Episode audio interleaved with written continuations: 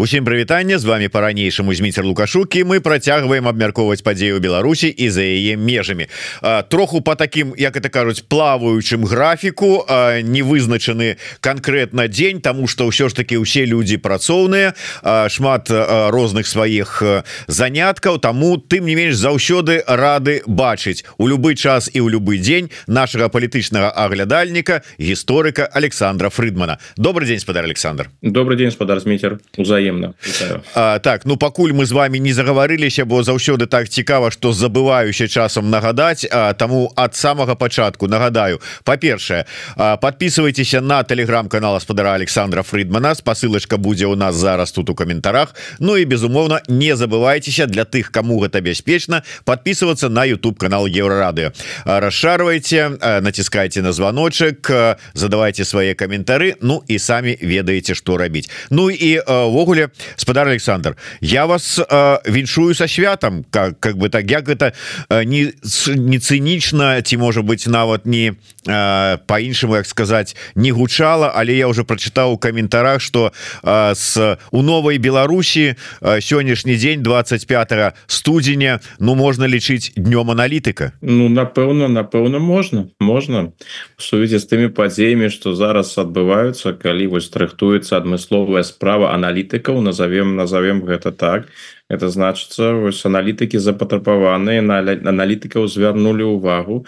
Мачыма нешта такое і будзе у будучыні як дзень аналітык Ну да можно нават я уже так ну как бы усіх сюды упісаў хотя прапануе СК ўсё ж таки нават конкретно так называть тому что цытую распачаўся працэс спецыяльнай вытворчасці у дачыненні до 20 так званых аналітыкаў ціхановскай вот про про э, менавіта вот аналітыкаў ціхановскай і спіс гэтых мы э, троху э, пазней з вами поговорым але ад самага пачатку. Все ж таки як вы лічыце чаму вот менавіта аналітыкі вот так узбудзілі СК і ўсіх астатніх что іх сабралі аж 20 чалавек у одну групу і цэлую спецвытворчасць дзеля іх распачалі. Чым яны так напалохалі рэжым? Там насамрэч калі вось паглядаць паглядзець на гэты спіс ён цікавы. Там ёсць публічныя асобы якія у медыях прысутнічаюць якія выказваюць свае погляды якія звяртаюцца да шырокай аўдыторыі і канешне такія людзі ну відавочна для рэжыма небяспечныя но там не толькі такія людзі ў гэтым спісе там ёсць людзі якія змагаю збіра змага займаюцца так бы мовіць не публічнай справай Ну я не ведаю мне цяжка цяжка насамрэч сказать хто там у якой ступені каго кому зробіць аналітыку якія там ідуць на якім узроўні ідуць кансультацыі я гэтую кухню просто просто не ведаю но ёсць асобы якія вядомыя ў беларускім кантэксце як людзі якія пішуць аналітыку але гэта не тыя людзі якія звяртаюцца там да шырокіх колаў грамадства. Так што ў гэтым сэнсе гэта так выглядае сапраўды каб ужо ўсіх хто там нешта там разважае наконт будучыні Беларусі піша там нейкія праекты альбо прысутнічае ў прэсе каб усіх так бы мовіць пакараць. Но ну, тым самым яны таксама канешне прызнаюць что гэтые людзі что гэтыя людзі бачныя что за імі сочаць. Я маю на увазе не толькі КДБ КДБ зразумела сочыць гэта гэта іх іх э, праца але что іх успрымае грамадства? Ну навошта там займацца нейкім аналітыкам якога нібыта ніхто там не чытае ніхто не глядзіць? Усе яны ж это падкрэслівалі самі ў сваёй прапагандзе что ніхто не чытае ніхто не звяртае увагі Ну а чаго ж вы звяртаеце увагі навошта вось гэта спецыяльную справу рабіць у гэтым накірунку? Ну гэта показваю ўсё ж таки уплыў у тых жа аналітыкаў прысутнічае то бок з прафесійнага пункту гледжання это канешне прызнанне для тых людзей якія знаходзяцца ў гэтым спісе.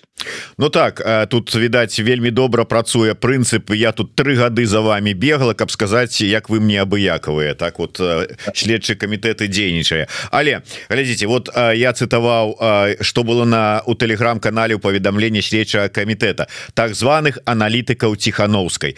Потым набеглі тут же сама лукашэнкаўскія прапагандысты якія пачалі верашчаць і крыкі такія камарылья ціхановскай! Так вось у спіс гэтай камары камарылі ціхановскай трапіў да прыкладу павел усаў.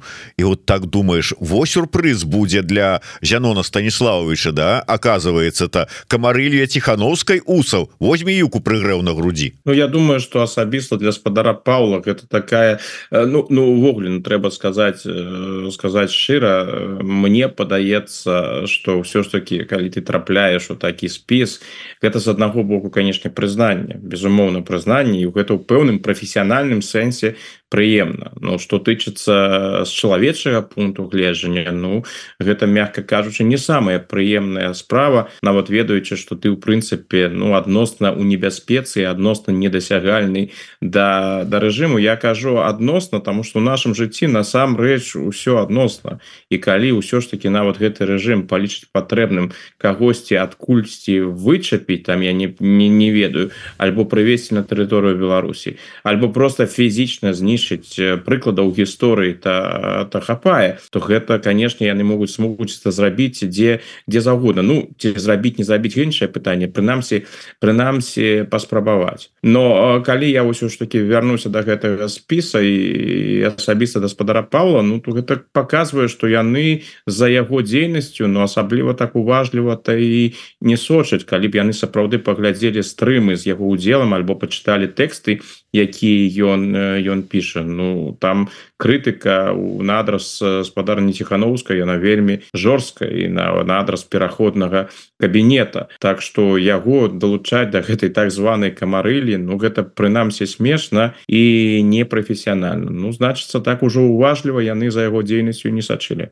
Ну ведаеце ёсць яшчэ такі прынцып что лепшая реклама гэта какая-нибудь негатыўная реклама а хаяць там ведаеце а тады по прынцыпу раз яны хаяць значыцца дайте дзве так і тут можа чорны пиар такі вот з боку усава ідзе але ладно тут можа сапраўды прынцып то спрацаваў такі крытыкуе Павел усаў там скажем офіс кабінет там іншых прадстаўнікоў дэмакратычных сілаў Ну нормальная з'ява але не менш калі не больш ён крытыкуе лукашенко лукашэнкаўскі рэжым і асабліва гэтых так званых сілавікоў іх дзеяння там у гэтага хапіла. Але возьмем іншы бок возьмем сацыёлагаў. Там ёсць Філіп беканаў ёсць рэгор азаронак. І калі паглядзець іх апо да уж амаль по фрейду. Рэгора стапеня і калі паглядзець іншыя іхнія апошнія сацыяльныя сацыяльныя даследаванні то ну скажем так таких ружовых акуляраў то там ці якіх-нибудь панігірыкаў дачыненні да сённяшняга стану дэмакратычных сілаў лідараў там няма. Там рассказывается і про рост прыхільнікаў лукашэнкі там рассказывается і про падзенне папулярнасці тихохановскай ну, есть вот такая. І чаго іх уключаць? Здавалася б вот яны как акурат такі ну на таким норм узроўні нейтральным але ну не працуюць там ужо відавочна супраць рэжыма. Я сапраўды чуў шмат крытыкі на адрас і беканова і астапені прычым гэтая крытыка яна ішла зраў з розных накірункаў гэта была крытыка от тых людзей якім не падабаюцца уласна кажучы тыя вынікі якія показваюць іх даследаванні гэта таксама людзі дэмакратычных поглядаў Ну якім ну шчыра кажучы не вельмі так пасавалы тыя тэндэнцыі якія адзначаліся асабліва ў апошніх даследаваннях і беканова і астапеній пра стабілізацыю пэўнага рэжы пра пэўную стабілізацыю рэжыма про тое что ёсць пэўныя тэндэнцыі на кірунку перагарнуць старонку і гэтак і гэтак далей. Таксама конечно ёсць і прафесійная крытыка якая кажа ну глядзіце вы ж самі разумееце у якіх умовах там праводзяцца даследаванні Ну гэта ўжо такое метадалагічная крытыка. Па-першае даследаванні ідуць праз інтэрнет праз другое ну не такая ўжо і вялікая група якая апытваецца. На рэпрэзентатыўная але не такая не такая ўжо вялікая. Ну яшчэ момант звязаны з тым что усім зразумелы вядомы умовы у якіх існуе сённяшняе беларускае грамадства. Таму заўсёды ёсць магчымасць што інфармацыя якая в таких даследаваннях будзе прадэманстравана дадзены іх што яны будуць скажоныя. То бок на гэты конт канешне можна дыскутаваць але я заўсёды падкрэсліваю і буду падкрэсліваць што гэтыя даследаванні якія робяць беканаў і астапені яны вельмі важныя. Яны пры прынамсі даюць магчымасць зразумець тыя тэндэнцыі якія ёсць у беларускім грамадстве. Так іх трэба іх трэба трэба разглядаць у кантэксце того что адбываецца ў Беларусі з усімі метадалагічнымі цяжкасцямі. Але ўсё ж таки гэта вельмі важный інструмент для разумення того стана у якім за сёння беларускае грамадства і іншай магчымасці зразумець у людзей якія знаходзяцца за межамі імкнуцца зразумець что адбываецца ў Беларусі іншых магчымасцяў няма там і беканаў і астапеня робяць велізарную вельмі важную справу. Ну а цяпер я так лічу мы маем такі пэўны ускосны доказ того что іх даследаванні у хотя б у пэўнай ступені адлюстроўваюць беларускую рэчаіснасць. Там вось і такая реакцыя Ну чаму такая реакцыя Ну что там такого у гэтых даследаваннях то было? Гэта ж не палітычныя фігуры. І дарэчы даследаванні якія яны робяць Ну тут трэба таксама гэта прызнаць толькі пэўная частка беларускага грамадства ўспрымае і увогуле ведае пра іх.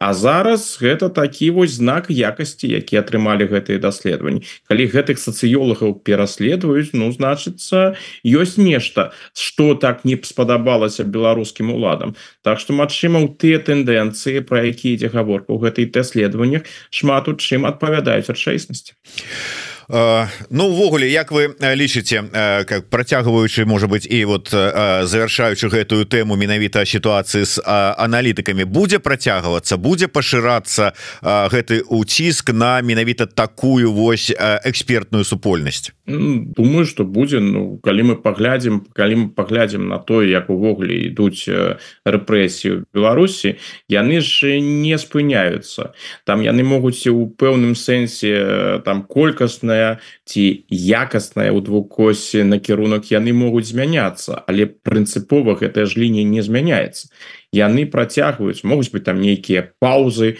по розным прычынам але ўсё роўна рэпрэсіі працягваюцца яны ахопліваюць усё новыя і новыя пласты грамадства Ну в гэтым сэнсе тое что адбываецца у Беларусі вось тыя хапуны якія былі людзей якіх арыштавалі гэта укладваецца ў логіку гэтую рэжыма. Ну і фактычна лукашенко сёння ж патлумачыў чаму чаму гэта адбываецца. Тому что тыя людзі якія засталіся у Беларусі прыкладна так выказаўся яны засталіся ў Беларусі і працягваюцца займацца тым чым яны займаліся. То бок вядуць і надалей у Беларусі падрыўную дзейнасць. Ну добра тых каго ён там дрэнна гэта канешне але з яго логікі тыя людзі якія засталіся ў Беларусі так яны могуць нейкую уяўляць пагрозу. А якую пагрозу можа могуць уяўляць там асабліва тыя аналітыкі якія знаходзяцца на на захадзе? Что яны друкавалі там у заходняй прэсе у заходніх часопісах у заходніх аналітычных выданнях так яны будуць гэта надалей друкаваць. Таких магчымасцей там нешта зрабіць ну тэарэтычна яны прысутнічаюць. Але ж зразумела там ну вось гэтым гэтым людзей показалі каб там яны явіліся ў мінску по пэўнай адрэсе на на допыт і іншае Ну зразумела ніхто ж не, не поедзе не будзе не будзе гэта гэта рабіць а, але ім вось гэта трэба працягваць. Яны лічаць что вось ну не можем вас так знайсці але вось хоць нейкім чынам мы будем імкнуцца там вас пакараць Так что я думаю на жаль вектор вызначаны гэты рэжым не можа супакоіцца ён не можа остановиться ён будзе гэта працягваць Ну так э, дарэчы э, я хацеў бы нагадаць что э, не далей як калі учора ці заўчора быў прызнаны экстрэміскімі матэрыяламі і телеграм-канал спадара Александра Фрыдмана. Таму калі раней я казаў там для тых кому бяспечна подписывайтеся на YouTube канал еврорады Ну а на телеграм-канал Александра Фрыдмана подписывайтеся ўсе то цяпер таксама трэба рабіць пэўную агаворку тому что таксама гэта ўжо стало стала небяспечна.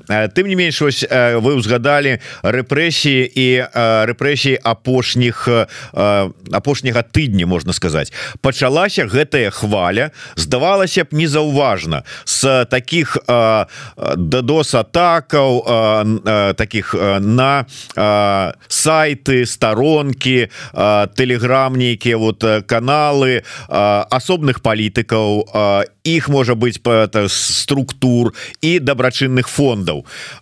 Казалі про гэта і байсол і байхелп старонка тихохановская і там у латушки было.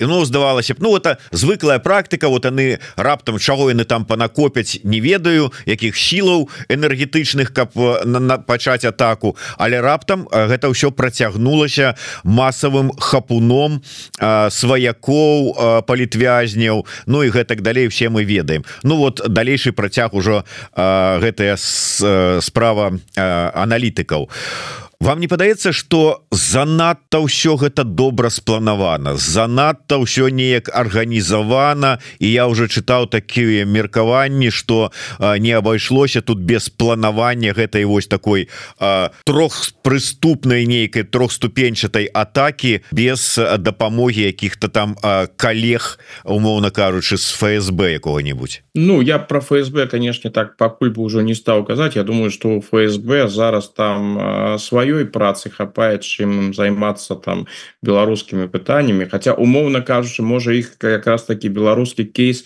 зараз і цікавіць бо іх таксама ж ідуць прэзідэнцкія выборы і асабліва на захадзе распаўсюджаны гэтыя параўнанні паміж сённяшняй кампаніі Барыса надеждзіна і ў пэўнай ступені тымі падзеямі якія адбываліся летом два -го года ў Беларусі. Кампанія тихохановская яшчэ да гэтага кампанія бабарыкі. Ну мне падаецца гэта ўж такія больш умоўныя аптычныя параўнанні Ну тым не менш я думаю что у іх там свои расійскія справы. І вось на таком узроўні на ўзроўні рэпрэсій унутры Беларусі і супраць тых хто звязаны з Беларусю то з гэтым спраўляецца уласна кажучы і беларускі КДБ без нейкай дапамогі з з боку расійскіх таварышаў.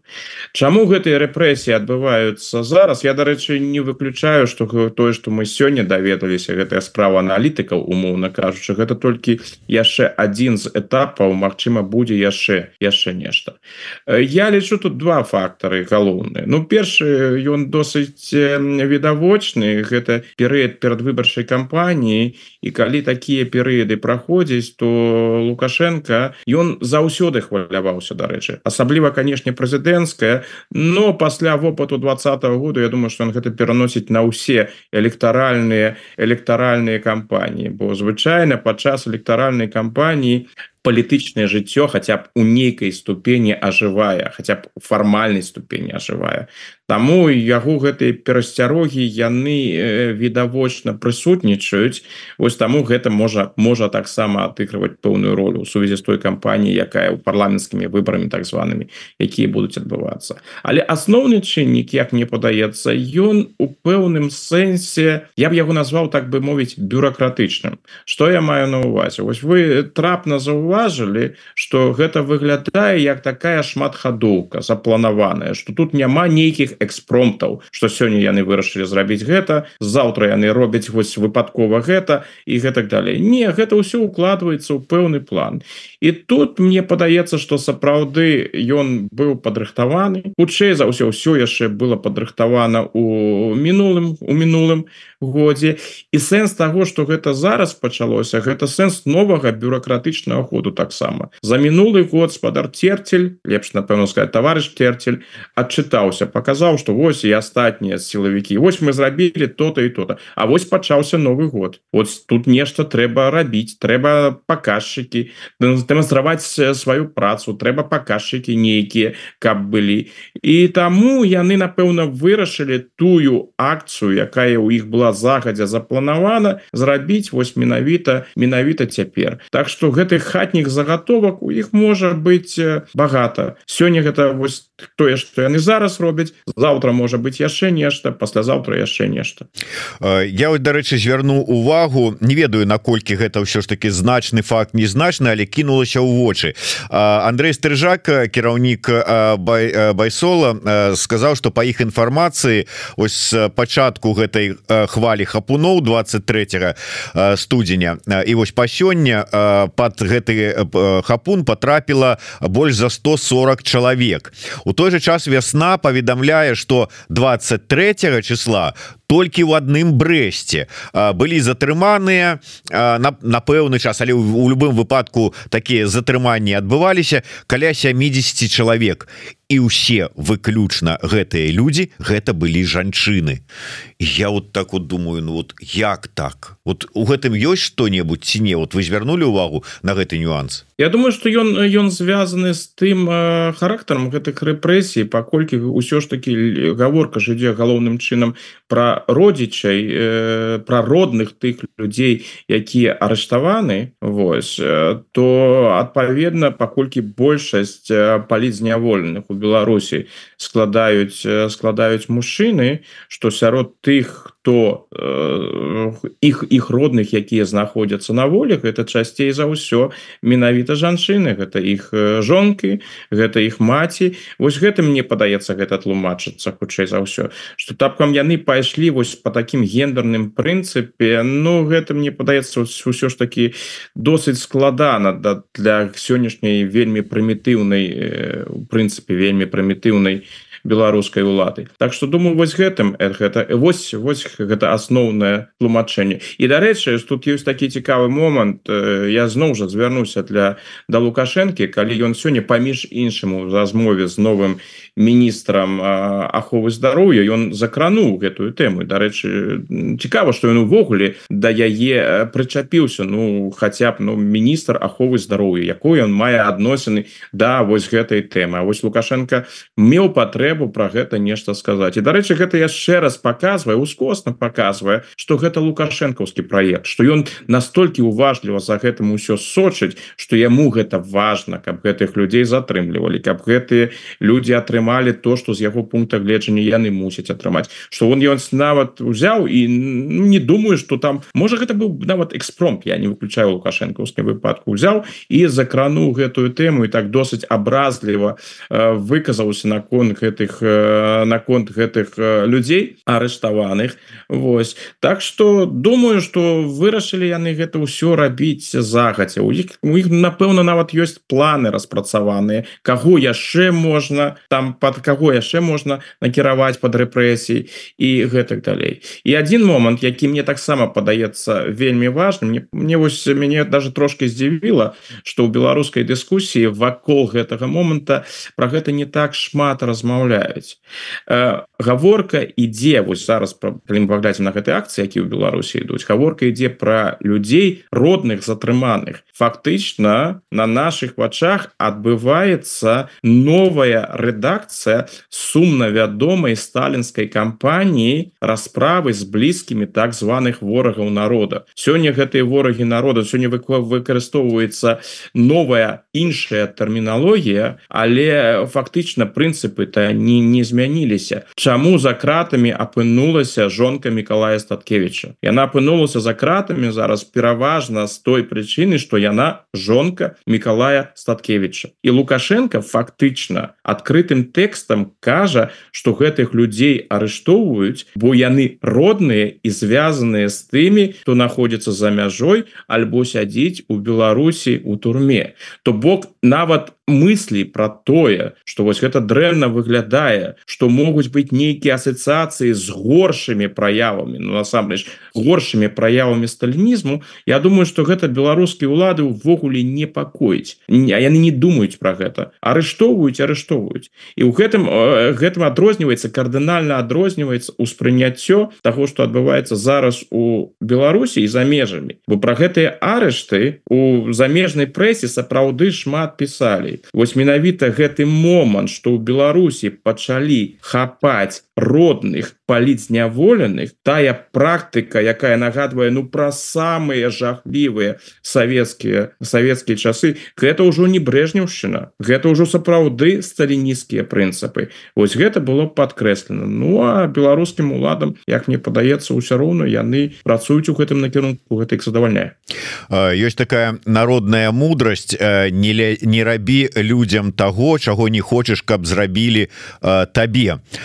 Тут вот у галаву галаву не прыходзіць что такое что ну вот я раблю такое гэта як бы да прыкладу ўзялі і за тое что я лукашенко натварыў тут на этой пасадзе взяли і кинули за краты колю лукашенко. Ну вот просто потому что ён сын лукашенко атрымліваецца то есть яму на колю наплеваць ему просто такие думки нават у галаву не прыходзяць Я думаю что тыя люди якія сёння Беларусю кіруюць і пачынаючы от лукашэнкі іншыя яны яны про гэта нават не думаюць. Яны настолькі упэўнены.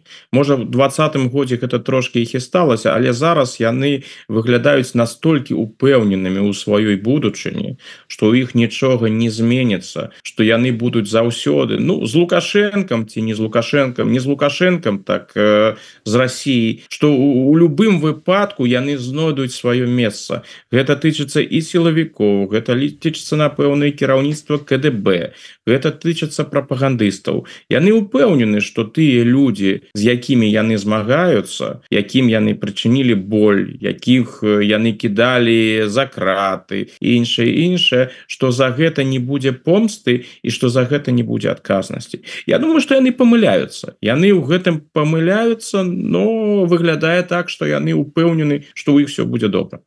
І вось на фоне э, гэтых рэпрэсій э, ўсяго того что адбываецца і затрымання у тых людзей якія э, ну до гэтага часу ведаючы там ці можа быть может быть не ацэньваючы ўзровень пагрозаў вяртаюцца ў Беларусь за мяжы і ў выніку трапляюць за краты. Хто тут у нас? Саўмін зацвярджае міграцыйную канцэпцыю для вяртання на радзіму з'ехаўшых беларусяў.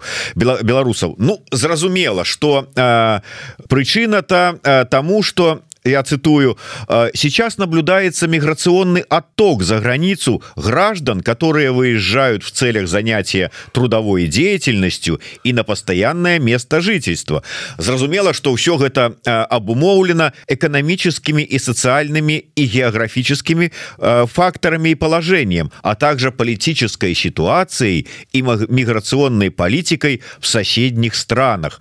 Але гэта что пришло разумение что штосьці не тое с міграцыйнай сітуацыяй у Беларусі адбываецца? Мне падаецца что ты хто так бы мовіць гэтымі працэсамі займаліся у адпаведных дзяржаўных установах яны гэта зразумелі яшчэ ў двадцатым годзе у 21 годзе яны разумеюць якія сацыяльныя эканамічныя працэсы адбываюцца яны бачаць что ёсць недахоп кадраў і гледзячы на тое что яны вось такія паперы выдаюць напэўна ён досыць сур'ёзны і адпаведна яны жадаюць нешта з гэтым зрабіць. Іншае ж пытанне что усе пыта что что увогуле что рабіць а что не рабіць гэта ж вырашаецца не на гэтым уровню не ўзроўні это вырашаецца на вышэйшым палітычным узроўні.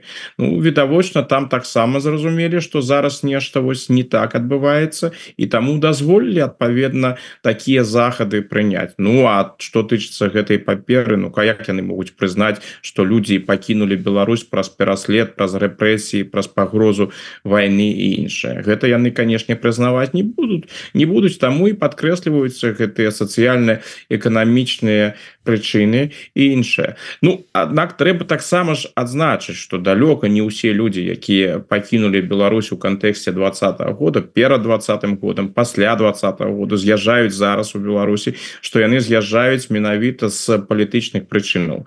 Ёсць вялікая колькасць людзей якія сапраўды працуюць за мяжой якія не займаюцца нейкай грамадскай палітычнай дзейнасцю якія не выказваюць сваю пазіцыю публічнай прасторы і гэтыя людзі яны сапраўды ездзяць туды вяртаюцца ў Беларусь і зноў з'язджаюць зноў працаваць і гэта пакуль пакуль працягваецца. Ну агульны кантэкст ён канешне небяспечны. Тут ж надо разумець што ў сённяшніх палітычных умовах фактычна любы чалавек які знаходзіцца за мяжой працуе за мяжой вучыцца за мяжой. Ён можа быць там абвешчаны агентам шпіёнам кім заўгодна. Ну ж конечно что значит за мяжой? Я маю на увазе за мяжой на захадзе калі там чалавек не ведаю працуе на Кубе у В'етнаме у Сінгапуры альбо ў Китае не не кажучы ўжо про Россию конечно гэты чалавек я такі небяспечны не ўспрымаецца. Небяспечнымі успрымаюцца перш за ўсё тыя хто звязаны захадам. Таму для кожнага кожны чалавек які жыве і працуе на захадзе дарэчы у незалежнасці ад таго падтрымлівае ён лукашенко ці нават не падтрымлівае нават нават гэта тычыцца і тых хто падтрымлівае лукашенко ён мусіць ведаць что э, вяртанне ў Беларусь для такого человека у таких умовах мае пэўную рызыку. Конечно я ж не ўсіх арыштоўваюць. Так у них есть адпаведныя крытэрыі спісы но верагоднасць того что человек можа быть прывятанне затрыманы яна конечно прысутнічае яна досыць вялікая Ну так э, я разумею что как бы тут э, такие хітрыкі типа не не не палітыкі нема у нас за палітыку ніхто не сядзіць тут толькі злачынцы і гэтак далей але э, як вы думаете вот ці ёсць ну как бы так сэнсу ну дакладней Праўда ў словах ці поверыць гэтым словам вот яны кажуць про тое что ім трэба зрабіць у этой міграцыйнай палітыцы каб все ж таки выправіць ситуацию і пишутць разработка и принятие дополнительных мер по стимулированию возвращения белорусских граждан выехавших выехавших на работу як шмат вот грамадзянаў поверыць вот у гэтые стимулирование заахвочванне и посулы с адтуль сбоку режима? Ну мне падаецца что ім цяжкавата будзе калі мы ўсё ж таки вось калі мы возьмем людзей якія так бы мовіць маюць сваю пазіцыю і э, адмоўна ставятся до гэтага режима то нават тых людзей якія не асабліва добра пачуваюць сябе ў той краіне дзе яны знаходзяцца бо ж тут трэба ж подкрэсліць что эміграцыя двадцатого году і пасля двадцатого году ж для наш для шмат каго была вымушанай. Люди мусілі з'ехаць бо інакш яны апынуліся за кратами спазналі пераслед Ну івогуле не жадалі жыць ва умовах жорсткай жорсткай дыктатуры. Конечно вось для таких людзей якія цікавяцца падзеямі і разумеюць і бачаць для сябе небяспеку для іх тут нічога такого прыгожага няма. Іх нават калі грошамі вялікімі будуць заахвочваць амністы і усім чым заўгодна Ну шмат хто канешне там лукашенко і яго заклікам не поверыць але ёсць людзі якія з палітыкай нічога так супольнага не маюць асабліва палітыкай не цікавяцца альбо лічаць сябе нейтралами альбо лічаць что з іх не сыходзіць нейкая небяспека для рэжыма і что нічога яны от рэжыма не прачуваюць так бы мовіць вырашылі для сябе что яны суісную могуць суіснаваць з гэтым рэжымам ён нічога ім такого не не зробіць. Ну ось сярод гэтай групы канешне тут пэўныя шансы ёсць. А тут пале пытанне у тым что можа рэжым сённяшні прапанаваць. Якія такія ўжо умовы працы яны могуць прападаваць якія заробкі яны могуць прапанаваць каб напрыклад тыя людзі якія жывуць і працуюць не ведаю там у Польшы у Геррманіі у Португаліі дзе заўгодна вырашылі для сябе вяртацца. Тут мне падаецца будзе зрабіць гэта досыць досыць цяжка. Ну ёсць яшчэ один такі пэўны момант які я б таксама улічваў. І они конечно могуць прапаноўваць вельмі шмат рознага у надзеі что сапраўды люди вернуцца. Бо кожны чалавек які вернется той или степень ступені гэта добрая справа для рэжыма. З аднаго боку гэта можа быть вораг рэжыма які тым самым потрапіць у пастку і апынецца у руках гэтага рэжыма Ну а калі гэта нейкі добры спецыяліст які сапраўды патрэбны беларускай эканоміцы. Ну калі ён вернется ў Беларусі будзе ў Беларусі працаваць. Дык гэта канешне на карысць беларускаму ладу.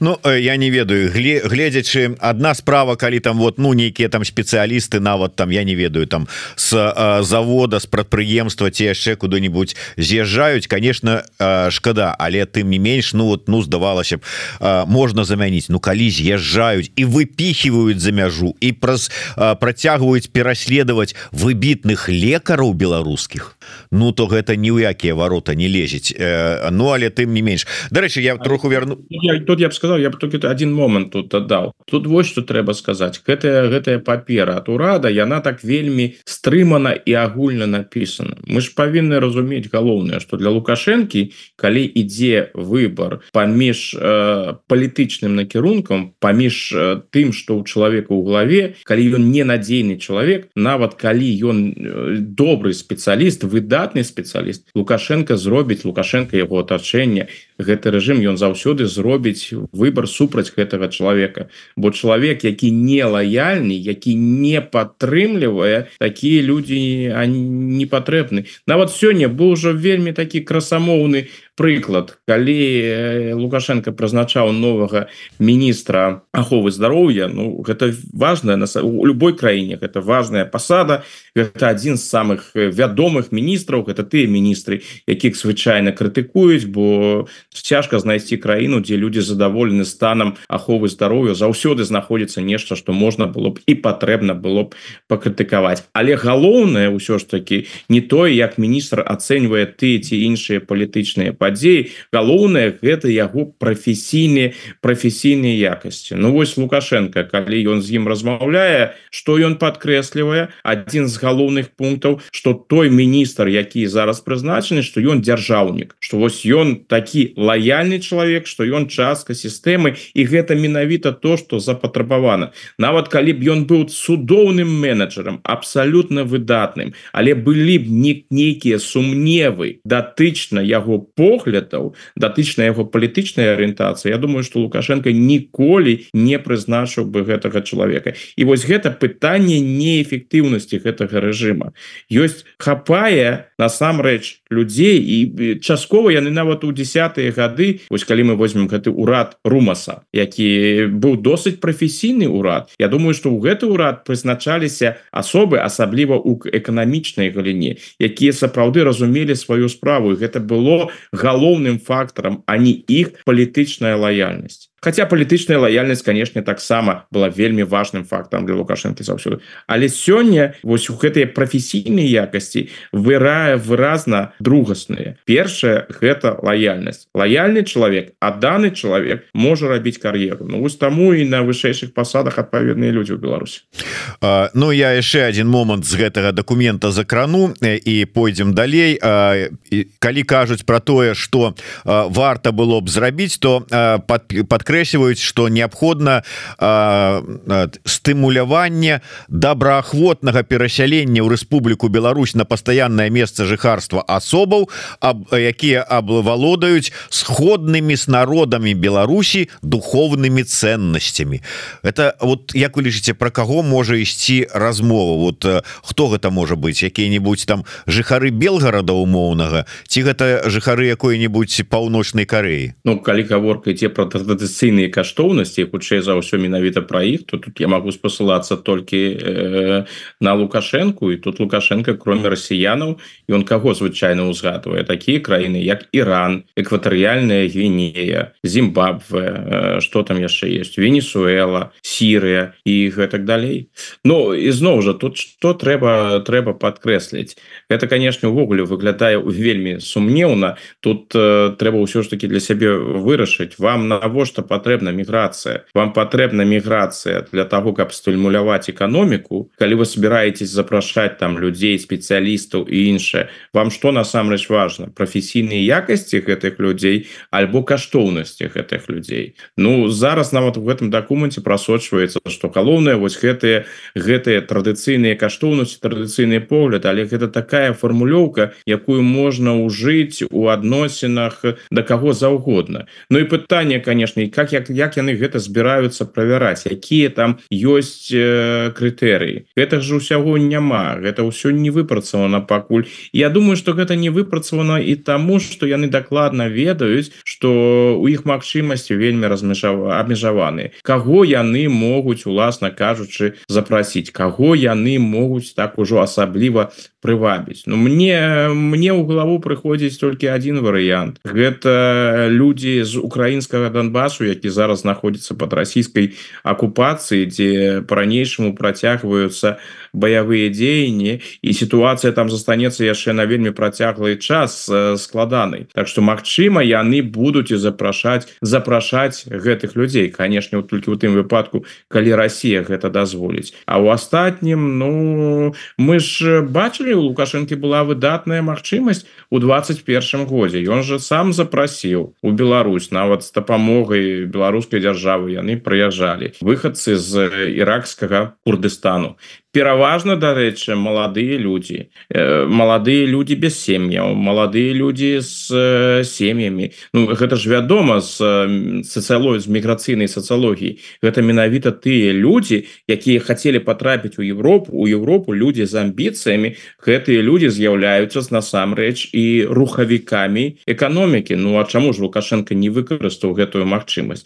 Гэты ж людзей Еўропа не прыняла. Ён мог бы іх у Беларусі пакінуць. Ён бы мог ім прапанаваць там працу іншае іншае А что да. правёў бы вось як гэта сказаць інфармацыйную кампанію о возможностях трудоустройства в Республіке Беларусь. І глядзіш бы все яны засталіся радасныя таксама Мачыма было б арганізаваць там курсы вывучэння мовы і іншае іншае там праверыць які у людзей каштоўнасці Ну люди ўжо на тэрыторыі Беларусі знаходзіліся але раптам нешта вось такое адбылося дзіўнае як стала зразумела зразумела что не атрымаецца закінуць гэтых людзей у Польшу літву і Латвію Ну дык адразу іх накіравалі на радзіму некая такая неэфектыўная была міграцыйная палітыка ў 21 годзе Ну да Ну ты калі ж все ж таки казаць про духовныя там нейкія каштоўнасці я там глядзеў что апошнім часам яны пачалі выдаючы грамадзянства пашпарт беларуса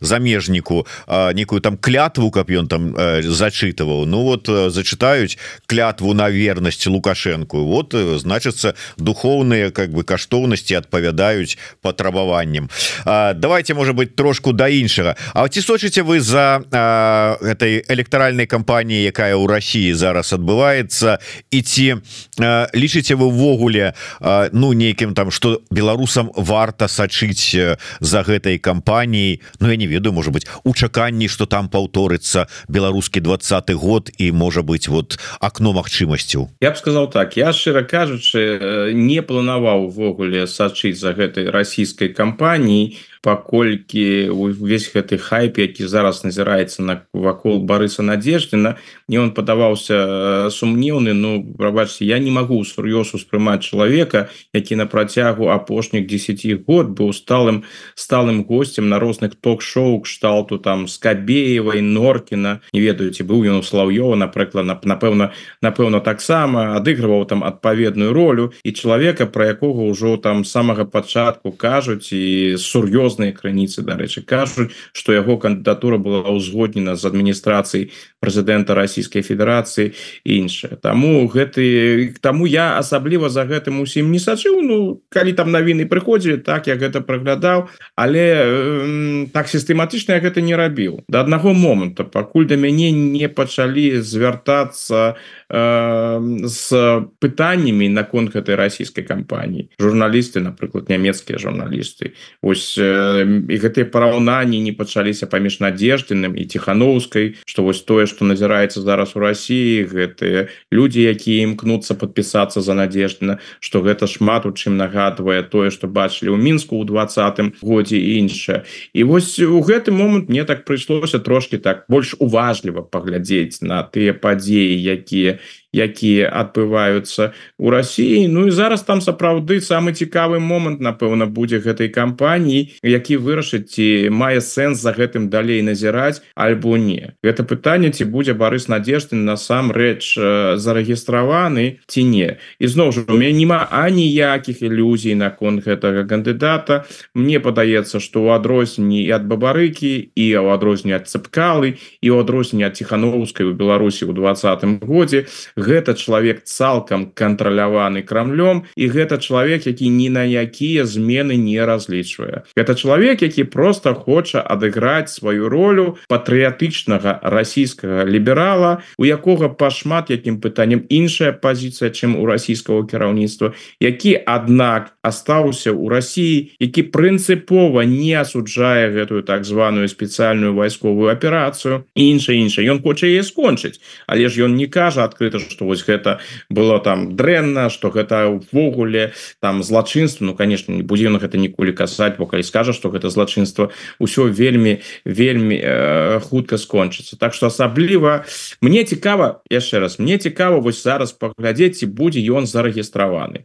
Калі ён будзе зарэгістраваны тады можа мае сэнс назіраць за тым что ён будзе рабіць далей і якія імпульсы будуць у расійскага грамадства. Ўсё ж таки гэта дазваляе зразумець у пэўнай ступені стан расійскага грамадства калі ён не будзе зарэгістраваны А я думаю что ў гэтым выпадку нельга там разлічваць на нейкія сур'ёзныя пратэсты ці нешта вось у гэтым накірунку Ну тады уся інтрыга відавочна скончыцца. Калі ён кампанію будзе працягваць Я думаю что ўсё скончыцца досыць прадказальна пераканаўчай перамогай Владимира Путина у коридоры паміж 80 90 адсоткамі Ну і надеждным які прызнае гэтую перамогу і атрымае пэўны палітычны капітал тое что люди у Беларусі у беларускім кантэксце за гэтымі расійскімі выборами назіраюць но ну, гэта звязано напэўна толькі з тым что надзеі ізноў жа яны заўсёды ёсць хотя вось надзея на надеждинах это я б сказал надзея без надзеі.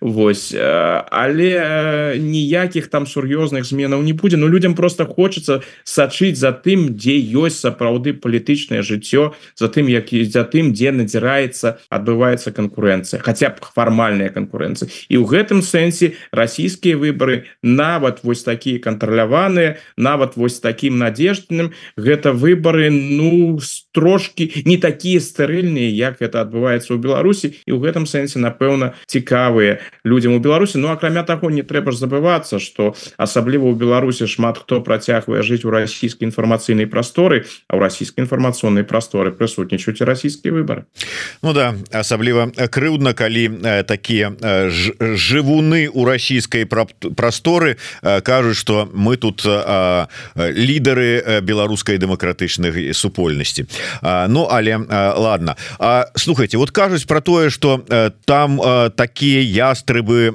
у крамлі завяліся. Яны ні ў якім выпадку толькі вот яшчэ больш яшчэ больш разгортаваць военную кампанію. А тут раз і самага галоўнага ястрыба гіркіна засудзілі на чатыры гады як так? Можа ўжо вырашылі здавацца праблема херкіна толькі ў тым что ён пайшоў супраць супраць гэтага рэжыма ён у адстойванні сваіх ідэалаў вось тое что мы ведаем под русскім мірам і гэтак далей гэта той свет у якім геркін сапраўды жыве. Гэта яго каштоўнасці.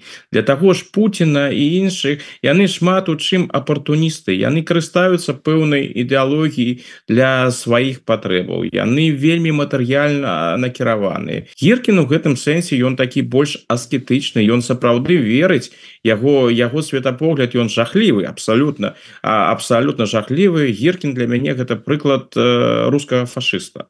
І гэта такі фашысцкі светапогляд які у яго прысутнічае. Ён э, гатовы да масавых забойстваў знішэння інша ну да жахлівых рэчаў. Так что тут нічога нічога э, нічога добрага у галовах у таких людзей я няма няма просто ён адказвае у сістэме толькі таму что ён абразіў Пуціна і таму что ён покусіўся на гэтую расійскую ладу то есть вось яго яны сапраўды напужаліся бо гэта не надежден надеждена что? Яны будуць кантраляваць. Ось зараз выглядае так усё ж таки что яны Мачыма хутчэй за ўсё надеждена допусцяць тому что там можна было ж элегантна выйсці з гэтай сітуацыі сказать надеждену Ну вось скажи что ты не набраў гэтые 150 тысяч подпісаў і ўсё і сам здымайся і пытанне і пытанне закрытае то бок надеждена можна кантраляваць яны яго кантралююць А вось гіркіным цяжэй ён фанатык таких людзей з фанатычным светапоглядам якія сапраўды за ідэю змагаюцца Кіркін ён ідэаліст. Ён змагаецца за гэтую ідэю. Для яго такія людзі як Путін гэта злачынцы якія вось тую ідэю якую ён пранёс праз усё сваё жыццё яны гэтую ідэю сябе прысвоілі затапталі і выкарыстоўваюць.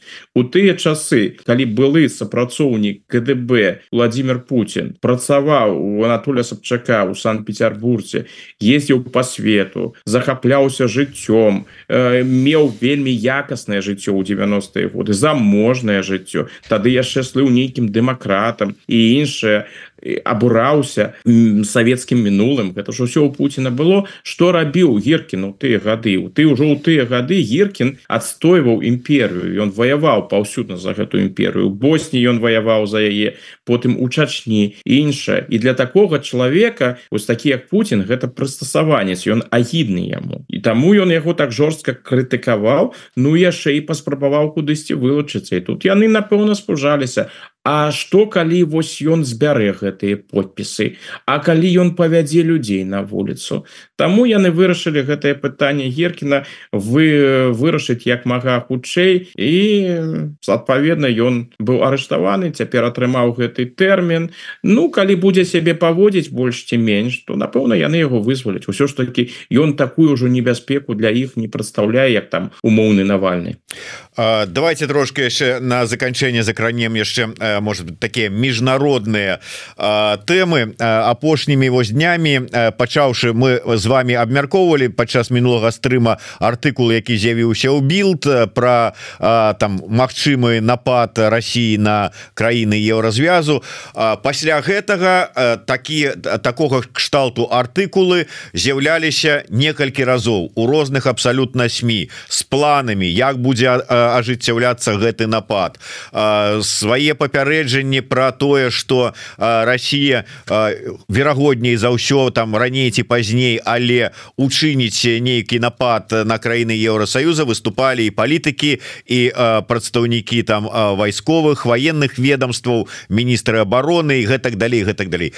Адыграла гэтую ролю? Зразумела заходняе заходняе грамадства что ім трэба рыхтавацца пачаліся гэтыя падрыхтоўки да магчымага супрацьстаяння с гэтым расійскім акупантам? Мне падаецца что асаблівай тут рэакцыі чакаць не трэба бо тыя сцэнарыі про які ідзе гаворка якія друкаваліся ў прэсе тое что подкрэслівалі заходнія палітыкі гэта вельмі непрыемныя сцэнарыі. Гэта тыя сцэнарыі якія людзі не жадаюць заўважаць яны не жадаюць про гэта думаць мы ж назіралі тое ж самае ва ўкраіне у пачатку 22 -го году напрыканцы 21 -го году калі з'явіліся першыя публікацыі і сур'ёзныя публікацыі про тое что расійскі бок рыхтуе напад.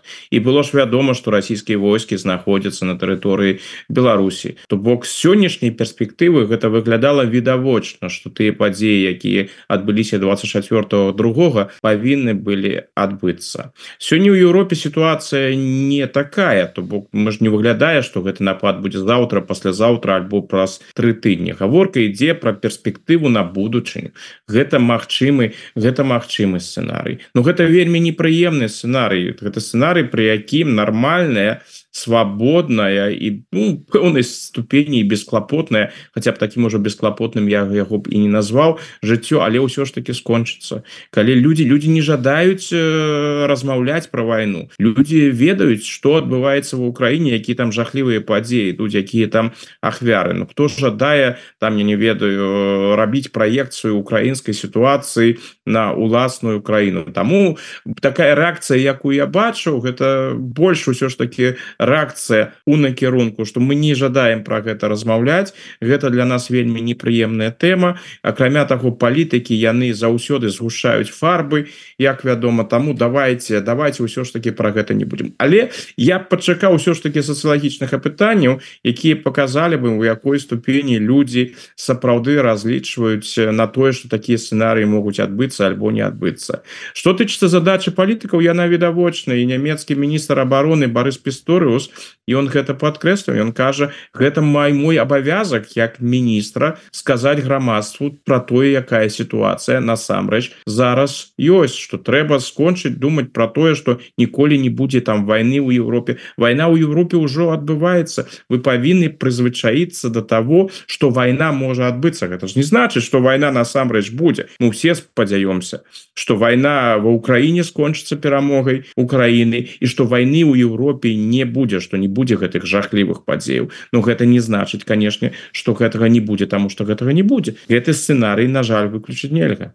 Але что ўсё ж таки вырашылі вырашаць плануюць рабіць знаконт дапамогі Украіне найперш зброяй краіны захаду. Якія вынікі чарговага рамштайна? Что чакаць?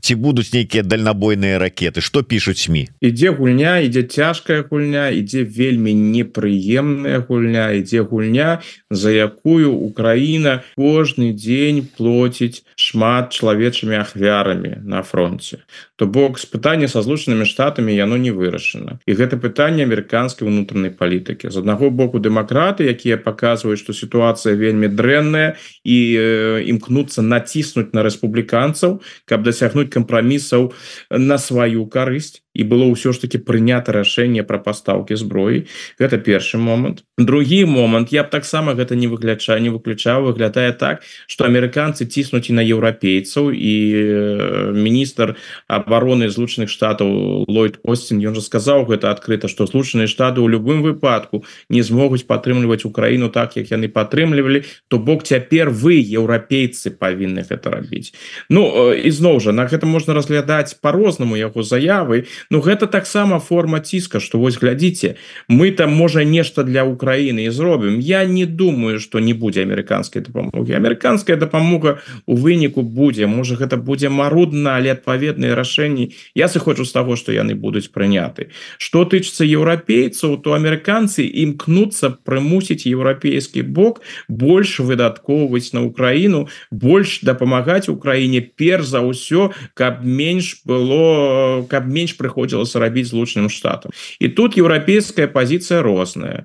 Ёсць Великабрытанія якая сапраўды робіць шмат але асабліва добра у брытанцаў атрымліваецца падкрэсліваць што яны робяць калі вось вы паглядзіце лічбы что там поставила Францыя что поставила Великабрытанія что поставила Германія і іншыя краіны вы калі паглядзіце лічбы з аднаго боку а з другого боку что кажуць палітыкі так вось вось калі вы застанецеся э, пры палітыках так палітыкі падкрэют то вас будзе ўяўленне про тое что ну ніхто так шмат у Еўропе не робіць для Украіны як Великабрытанія лічбы кажуць іншае Великабрытанія робіць шмат але ўсё ж таки на другім месцы Германія. Францыя таксама робіць шмат але і Францыя і Великабрытанія у іх лепш атрымліваецца паказаць гэта прэсе і інша Вось.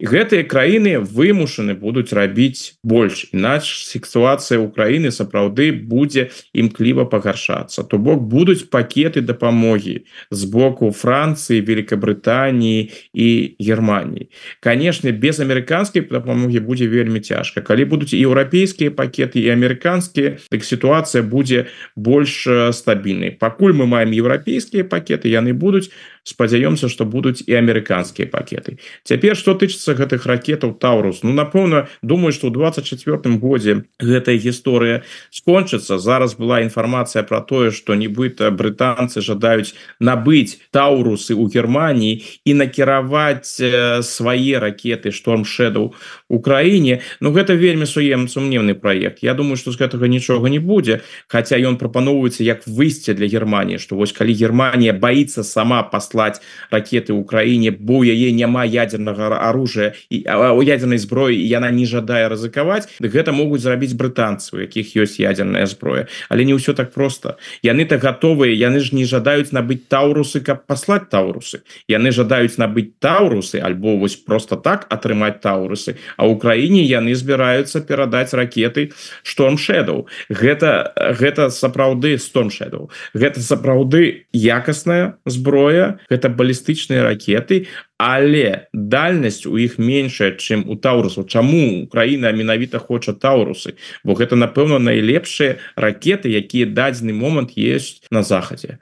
Мой прогноз что ўсё ж таки пытанне будзе вырашана і будзе вырашана паспяхова на карысць Украіны і гэтыя ракеты таурус будуць пастаўлены Германії Украіне. Іншае толькі пытанне ў тым калі. І яно насамрэч складанае бо калі ўжо будуць пастаўлены гэтыя гэтыя ракеты то там ужо няма куды рухацца далей. Это напэўна самое якаснае і самое галоўнае что Германія можа поставіць Таму мне падаецца нямецкія улады гэта трымаюць пакуль яшчэ у сябе на самый такі важный момант калі ўжо больш чакаць будзе нельга і ў гэты апошні момант гэтыя ракеты будуць пастав Ну галоўнае каб не спазніліся гэтым у сваім адцягванні. На завяршэнне да вас як да гісторыка але як да палітычнага аглядальніка.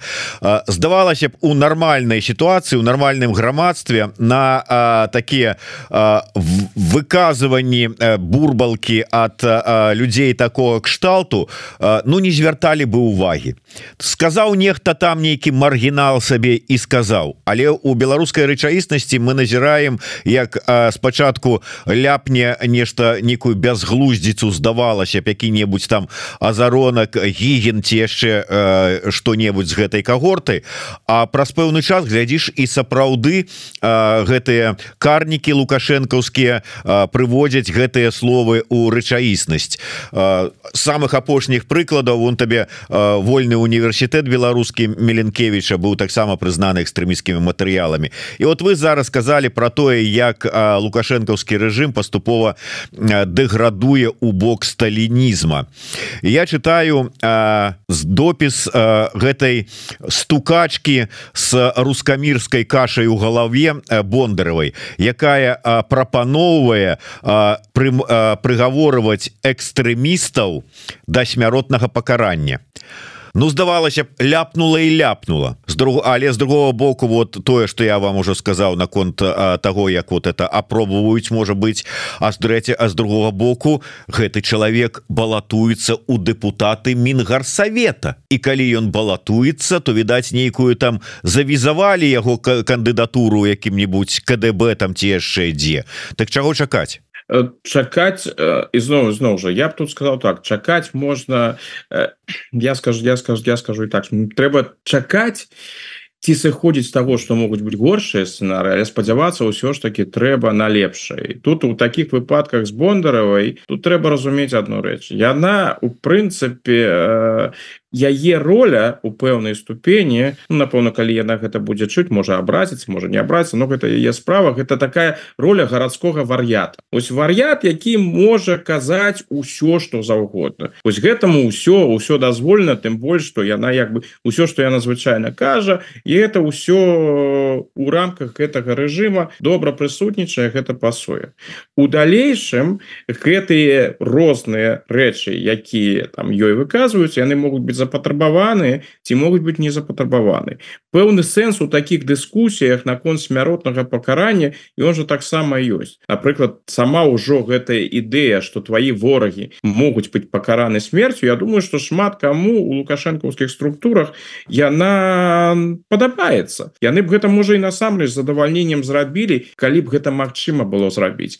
Але гэта мае сапраўдны эфект. Калі яны сапраўды начнуць пачнуць разважаць на гэты конт то то тым людям якіх это ўжо непасрэдна тычыцца гэта будзе даставляць ну такія сур'ёзныя непрыемнасці. Ну кому асабліва спадабаецца калі там разважаюць про тое як так супраць сябе будзе выкарыстана смяротнае пакаранне і іншае. Акрамя таго ізноў жа Ну гэта так непрыемна будзе калі мы скончым эфир на на на гэтай вось деталі Ну гэта таксама трэба ўлічваць. Мы ж маем гістарычныя прыклады розных дыктатураў ці там завочна выконваць выконваліся ВК выносіліся розныя смяротныя прысуды а потым накіроўваліся разлічныя камандас якія там тых ці іншых палітыкаў просто забівалі. Калі ў 70-е гады дыктатура ціта дарэчы калі мы параўнаем дыктатуру югослаўскую дыктатуру ціта с сённяшняй дыктатурай лукашенко так я б нават сказаў что цітаўская дыктатура куды больш прывабна выглядала. І что там былі лісты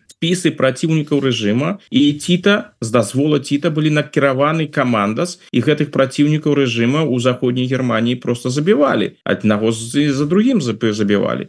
Так что у застаецца спадзявацца что до гэтага ўсяго конечно справа не дойце Ну ці что скажем одну ракету таурас адшкадуеце на карысці беларусаў ўсё ж таки полепшыць іх сітуацыю.